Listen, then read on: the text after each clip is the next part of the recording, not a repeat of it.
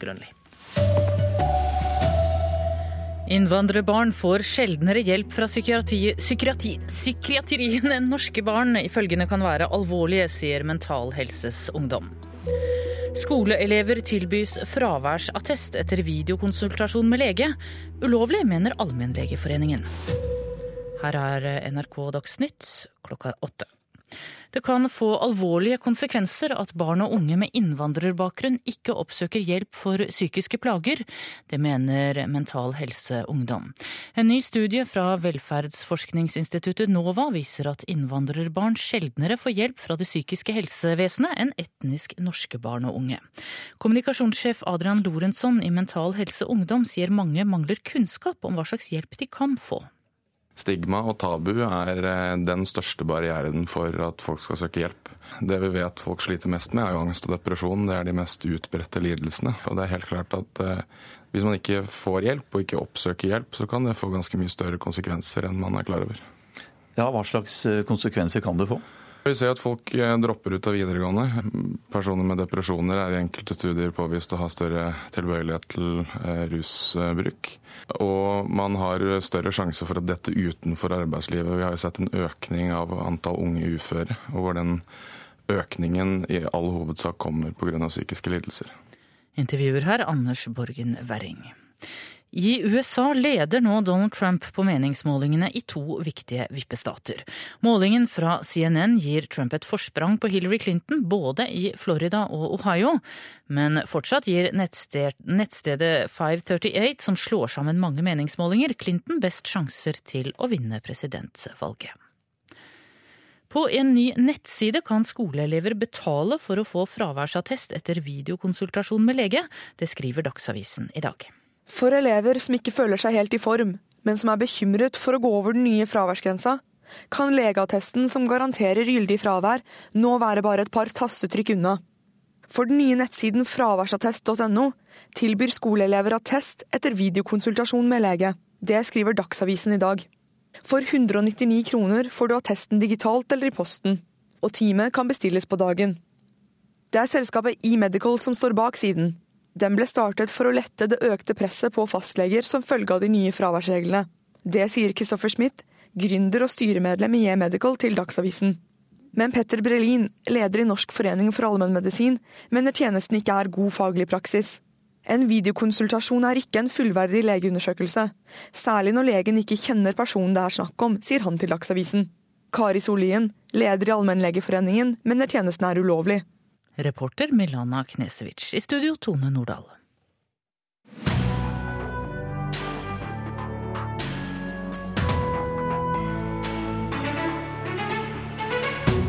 Et norsk arkitektkontor får trolig oppdraget om å tegne regjeringskvartalet, et av statens største og dyreste byggeprosjekt i moderne tid.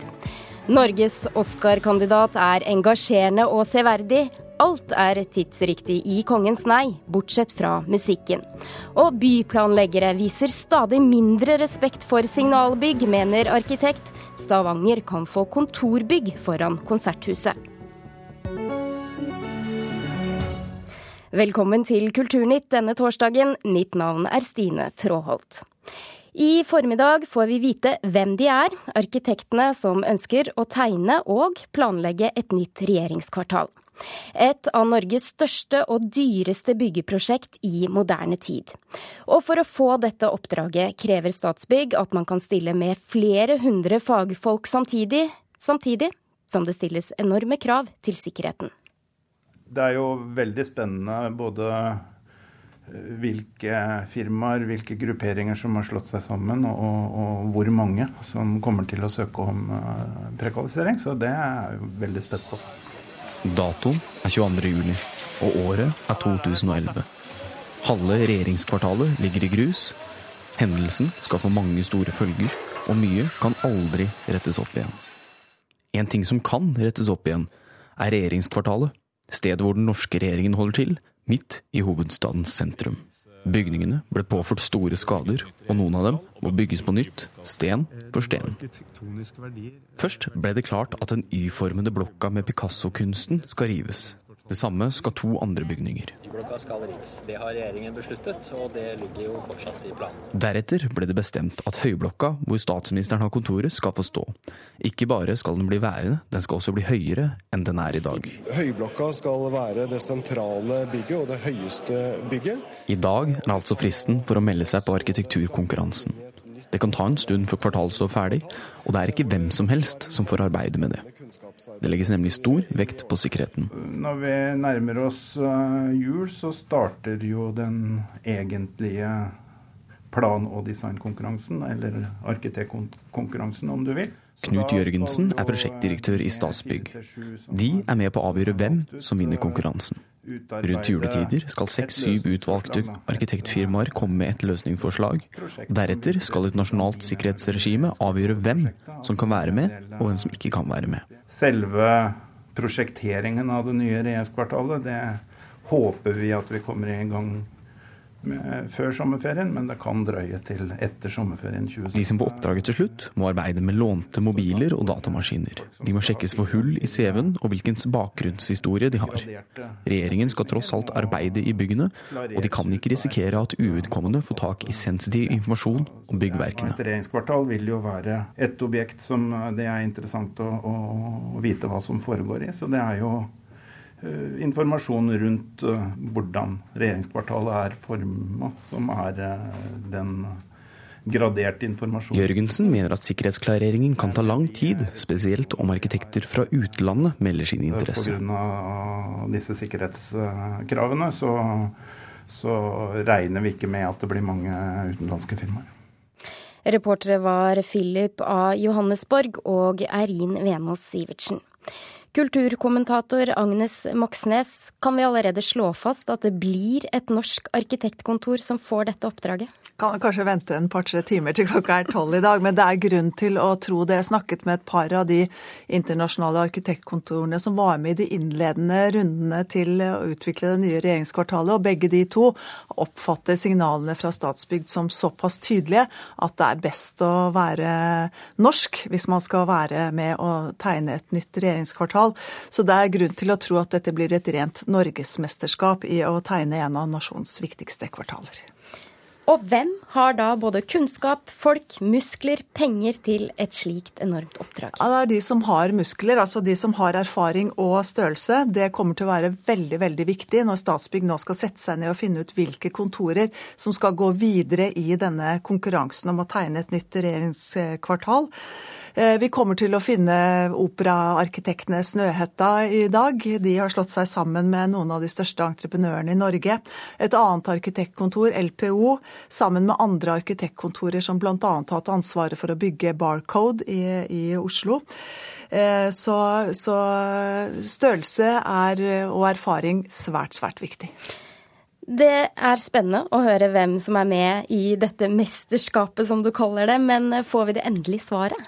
Nei, nå skal det velges ut fire til sju kontorer. Og så starter arkitektkonkurransen i desember. Og så får vi eh, alminnelig dødelig antageligvis se resultatet av det i april.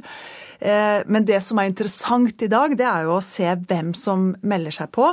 Eh, det vil være dumt hvis det bare er de gamle traverne som er der, og at de unge eh, fremadstormende arkitektkontorene har meldt seg ut fordi at de er for små. Dette er århundrets store prestisjeprosjekt. De som kommer til å få dette oppdraget, de skriver seg inn i norsk arkitekturhistorie på en eller annen måte. Blir det bra, blir det jubel, Går det dårlig, så blir det ualminnelig trist. Og det er så, men uansett, det er veldig mange arkitektkontor som nå kommer til å gi jernet. Og hvilke premisser må være oppfylt? Eh, det er en reguleringsplan ute til høring nå. Den sier bl.a. at Y-blokka skal rives, og at det skal være et kompakt regjeringskvartal, og at alle departementene med unntak av Forsvarsdepartementet skal ligge plassert midt i Oslo. Men det er mye som kan skje innen, reguleringsplanen. Høringsfristen går ut i slutten av oktober. Og så langt har det vært uvanlig lite debatt om dette regjeringskvartalet. Og det til tross for hvor viktig det er, prisen på det, og hva det betyr for byutviklingen i, i landets hovedstad. Og klokka tolv i dag så får vi altså vite hvem, hvilke arkitektkontor som kommer til å delta i denne konkurransen.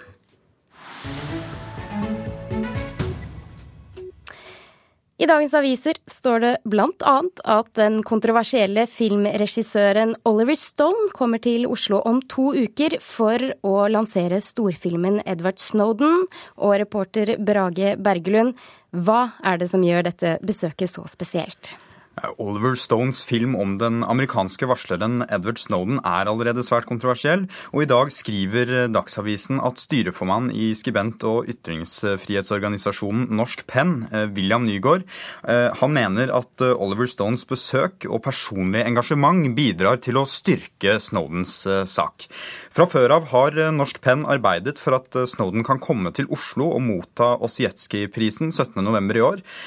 Organisasjonen har også støttet Snowden Snowdens stevning, av den, uh, Snowdens stevning av den norske stat for å få fastslått at han ikke risikerer utlevering til USA dersom uh, han kommer til Norge og mottar prisen. Morten Hykkerud. Han rømte fra sykehuset i går og drepte en politimann ved å eh, slenge en Mercedes-stjerne i trynet på ham. Dette er Død snø.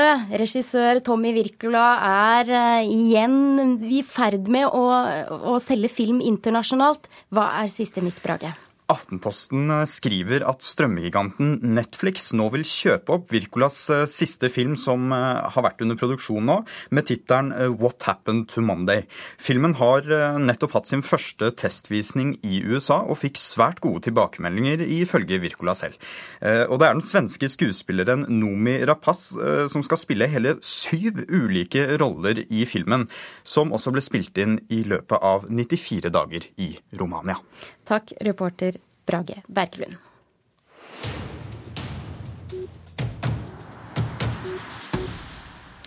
Vi ser inn i både kongefamilien og norsk historie i Erik Poppes nye film. Norges Oscar-kandidat er engasjerende, severdig, og alt er tidsriktig, bortsett fra musikken. Einar Gullvåg Staalesen anmelder Kongens nei. Kongens nei kan gå til arkivet som nasjonalt klenodium. Filmgrepene er fiksjon, og aktørene spiller roller, men vi får en følelse av rekonstruksjon av de tre aprildagene. Jeg synes filmen er engasjerende også.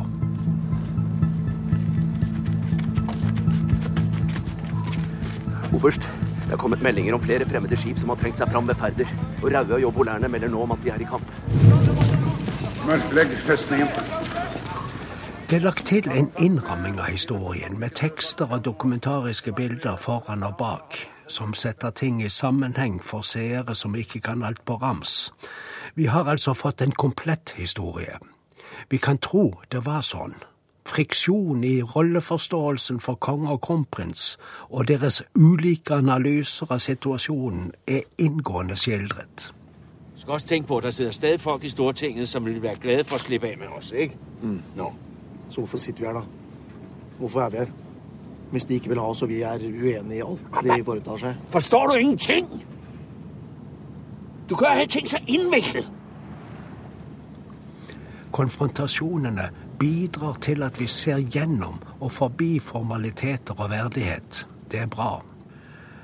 Når vi er noen minutter ute i filmen, er Jesper Christensen kong Haakon og Anders Båsmo Christiansen kronprins Olav.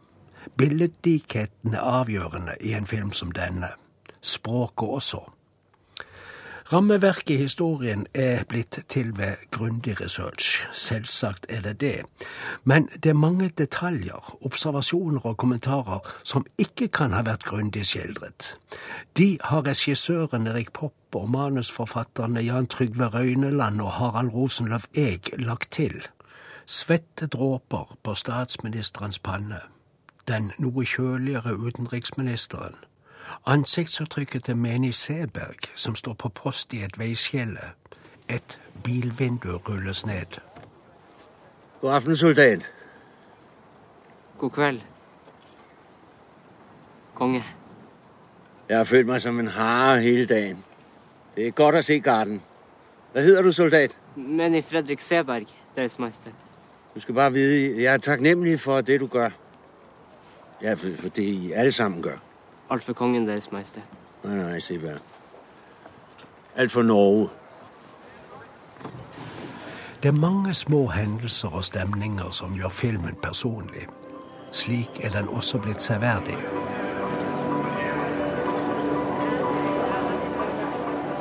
God morgen, Torp. God morgen. Én faktor matcher absolutt ikke tid og sted og tilstand.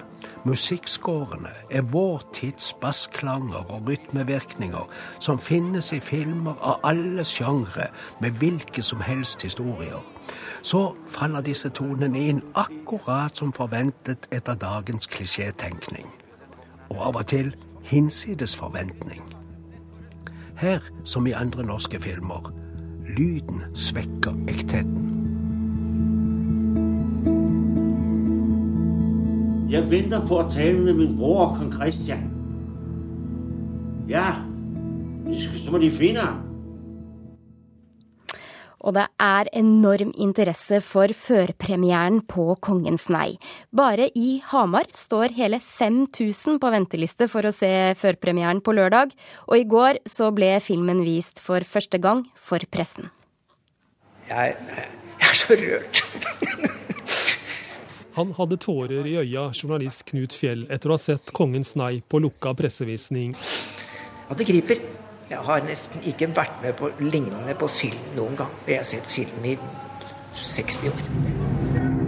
Kongens nei handler om de tre dramatiske døgna i april i 1940, hvor den norske kongen får et ufattelig ultimatum av den tyske krigsmakta overgivelse eller døden. Med tyske fly og soldater i hælene tvinges kongefamilien på flukt til Hamar, Elverum og Nybergsund. Interessen for å se førpremieren er enorm. Den har vært enorm. Det er 5000 på venteliste. Sier regionbanksjef Snorre Sveløkken i Sparebanken Hedmark. Da banken som samarbeidspartner til filmen inviterte kunder til førpremiere, ble alle de 800 billettene borte på seks minutter, og 5000 står nå på venteliste. Krigshistoria vår er av veldig stor interesse for mange. Så er det jo en viktig del av Hedmark sin historie. Elverum, Trysil, Nybergsund. Og i tillegg så må vi vel huske på at det er Anders Basmo Christiansen fra Hamar som spiller kronprinsen. Det er nok, er nok, en vesentlig årsak til at interessen er så stor her rundt Hamar. Kun timer siden de skjøt våre soldater i et forsøk på å komme seg til oss. Til Hans Majestet Kongen! VG gir terningkast fem og et stort ja til Kongens nei. Filmpolitiet i P3 gir også en femmer. Det var veldig bra sier NRK Hedmark og Opplands mangeårige filmekspert Audun Christiansen. Den lever jo opp til forventningene. Da. Det er jo enorme forventninger. Overraskende? Det beste er jo egentlig det mellommenneskelige dramaet. Som de fokuserer veldig på. Eh, hva som går gjennom kong Haakons eh, hode, kronprins Olav og familien. Eh, for det er jo mennesker oppi det her. Eh, det er kanskje lett å glemme det når vi leser om det i historiebøker og sånn. De mange tusen på venteliste får neppe sjansen til å se filmen før den har norgespremiere 23.9, sier Sveløken. Den tror jeg er svært liten, for de 830 som vi har, minst 95% av dem dukker opp. Det er kun timer siden de skjøt våre soldater i et forsøk på å komme seg til oss. I ukene framover vil trolig mange gå og se danske Jesper Christensen som kong Haakon og Anders Bosmo Christiansen som kronprins Olav. Det er de to eller tre skuespillerne som bærer dette her. Og derfor så er jeg så glad for at denne filmen ikke er lagd før. Og gudskjelov for at den ikke er det. Alt for kongen, Deres Majestet. Alt for Norge. Reporter Stein S. Eide. Du hører på Kulturnytt, og klokken er nå 19 minutter over åtte. Dette er hovedsakene denne morgenen. Donald Trump leder på meningsmålene i de to viktige vippestatene Ohio og Florida. Barn og unge med innvandrerbakgrunn som sliter psykisk, får ikke ofte hjelp, like ofte hjelp som etnisk norske barn og unge, viser studiet. Og det er flest eldre som har beholdt fasttelefonen.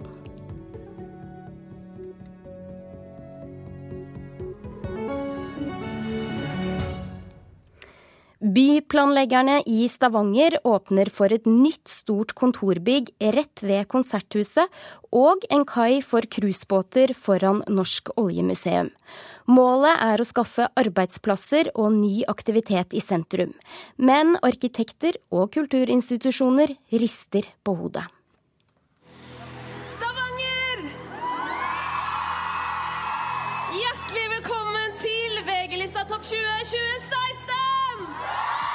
Det har vært eh, ganske mange arrangementer her, og de som har hatt flest mennesker, eh, er jo faktisk VG-lista. De hadde 15 000 her. Og det vil jo ikke lenger gå å kjøre arrangementer i den størrelsen, hvis man gjør dette. Og dette, som konserthusdirektør Per Harald Nilsson refererer til, er ny sentrumsplan for Stavanger, der byplanleggerne i det reviderte forslaget åpner for et kontorbygg på maks åtte etasjer på kaien ved Konserthuset. Kjære Stavanger, er dere gira? Nøyaktig der Kristine Danke og VG-lista-artistene sto plassert på en scene 6.7 i år. Det, det, vi har tenkt, er at eh, vi vil foreslå aktivitet langs kaien som bidrar til å skape mer liv i den aksen mellom Konserthuset og Indre Vågen sier kommuneplansjef i Stavanger, Ole Martin Lund, som påpeker at bygget skal stå ut mot sjøen, og ikke midt på plassen foran Konserthuset. Eh, så I et overordnet perspektiv er at det legger til rette for flere arbeidsplasser i byen, i sentrum. Det er ganske mange kontorer her i området, og det er ikke det som skaper den type sentrumsaktivitet som denne delen av sentrumsplanen fokuserer på.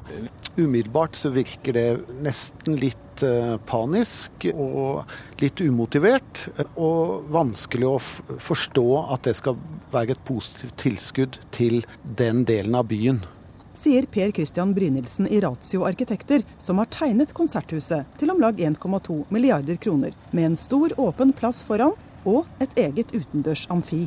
Et utleiebygg for kontorer, det virker helt malplassert eh, som inngangen til eh, Konserthuset i Stavanger. Og akkurat nå så er det altså Gardens eh, drilltropp som tar en oppvisning. I juni ble denne plassen brukt under feiring av kongeparets 25-årsjubileum. Det har også vært verdensturnering i sandvolleyball på området. Sett for all del ikke et kontorbygg akkurat her, sier Brynildsen. Så eh, skygger det for eh, forplassen og tar noe av luven fra Stavanger konserthus. Også Norsk oljemuseum har protestert kraftig mot sentrumsplanen. Museet, som er bygget som en oljeinstallasjon ute i sjøen, kan bli liggende bak en ny cruisebåtkai. Det blir ikke mye oljehistorie igjen i Stavanger etter dette, skriver arkitektene i sin høringsuttalelse.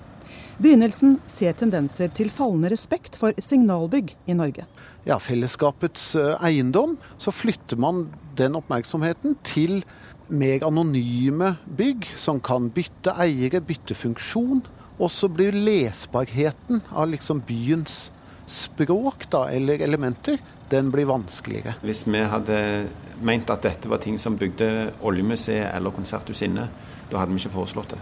Nå er forslaget til sentrumsplan på høring, og det har kommet noen kritiske merknader til de omtalte forslagene fra politisk hold. Konserthusdirektør Nilsson er i alle fall klokkeklar i sin oppfordring. Det at man har et sånt byrom midt i Stavanger sentrum, det er en enorm ressurs. Og Det ville være en stor feil å bebygge deler av dette nå, sånn at den, vi mister den da for, for all framtid. Anette Johansen Espeland hadde laget denne saken. Peter Buternsjøen, arkitekt og blyplanrådgiver i Oslo. Det er en fallende respekt for påkostede signalbygg i norske byer, blir det sagt her. Er du enig? Jeg tror nok det er helt riktig, men jeg tror først og fremst det er en, en voldsom sult etter å bygge ut tomter. Altså, vi som et nybyggersamfunn i Norge, vi tror at enhver tomt er en potensiell byggetomt. Og det er farlig. Da bygger vi inn viktige bygg. Vi, vi går glipp av, eller mister den åpenheten, den friheten, som de store byggene fortjener. Og vi mister muligheten for å samles ved de store byggene. Og det er en, en risiko. Ja, Ser du en trend her, at man ikke bryr seg så mye om disse kulturbyggene i forhold til omgivelsene rundt? Sånn jeg tror nok vi bryr oss om byggene, men jeg tror vi, vi, tror at det ikke gjør noe om vi bygger det igjen. Så fyller vi litt ut i havna, og så får vi litt eh, tror vi, gratis plass, og så bygger vi litt inntil, og så blir, det, så blir det tettere, så blir det trangere, så blir det fattigslere på mange måter. Vi er redde for å la husene få lov til å ligge der og være store.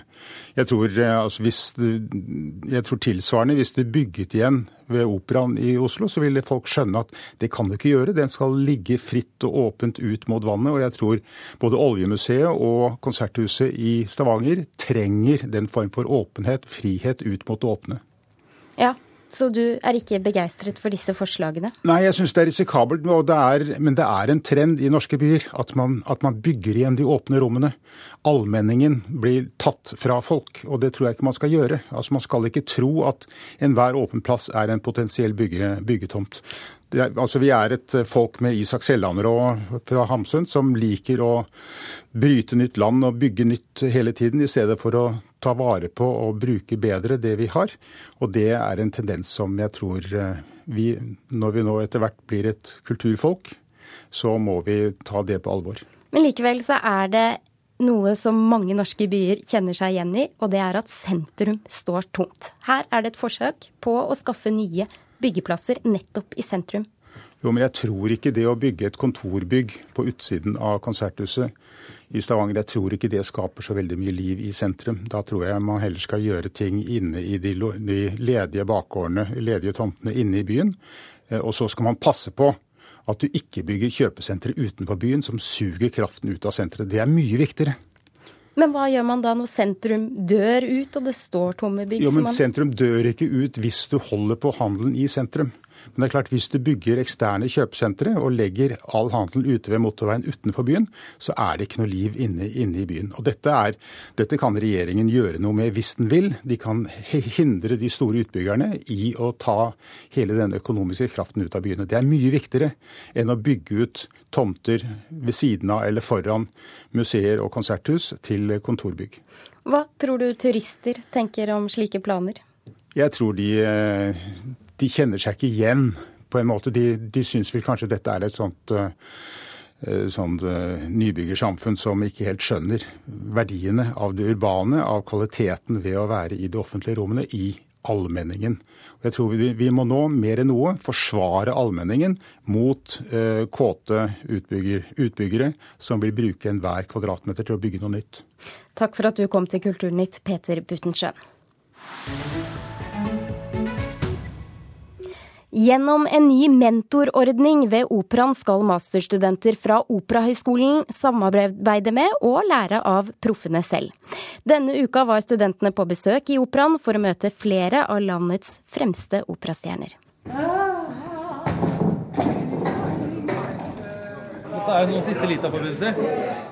Stemningen var lattermild og småspent da masterstudentene fra Operahøgskolen besøkte Operaen i Oslo på mandag. For i et av øvingslokalene med utsikt utover Bjørvika ble studentene mottatt av flere av landets fremste operasangere, som framover skal fungere som studentenes personlige mentorer. Det er en helt unik mulighet som vi har fått nå. Det sier Eilert Hasseldal, student ved Operahøgskolen, som er en av dem som skal få lære av de beste.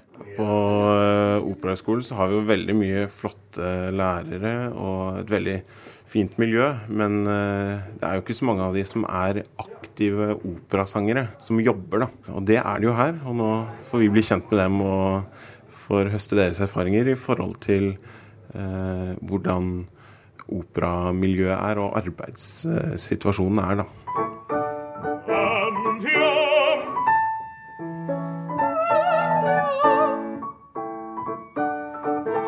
Tanken bak mentorprosjektet er at studentene skal få et godt innblikk i virkeligheten som møter dem som operasangere i framtiden. Og dekan ved Operahøgskolen Mira Bartov er den som tok initiativ til å starte opp prosjektet jag kände att vi behövde förstärka banden mellan Operan. Jag menar, det talas ju mycket om mental träning och coaching och ingen vet ju bättre än just de som faktiskt är mitt uppe i sin karriär. Så därför har jag velat sammanföra dem med studenterna och at de skal følge hverandre. Bartov er også helt klar på at prosjektet ikke bare er ment for å styrke utdanningen, men også gjøre skolen mer attraktiv for framtidige søkere. Det som gagner våre studenter og kvaliteten på vår utdanning, det gjør jo at det blir mer attraktive for andre eh, potensielle søkere, naturligvis. Den erfarne operasangeren Espen Langvik er en av dem som skal være mentor for studentene. Og han tror ikke at studentene blir de eneste som lærer noe av det nye samarbeidet. Og så er det veldig mye energi i å omgås de unge studentene. For de vil jo så enormt mye og har så veldig mye trøkk. Og vi burde minnes om den energien og hvorfor vi også holdt på med dette her. Og i en stadig tøffere bransje med høyt prestasjonspress har Langvik et godt råd til de unge håpefulle for framtiden. Rådet er egentlig alltid bare å sørge for at en har en egen streng i seg sjøl som, som en kan gå tilbake til. Og, og, vite hva en er god for, og hva en er verdt, og hvem en er.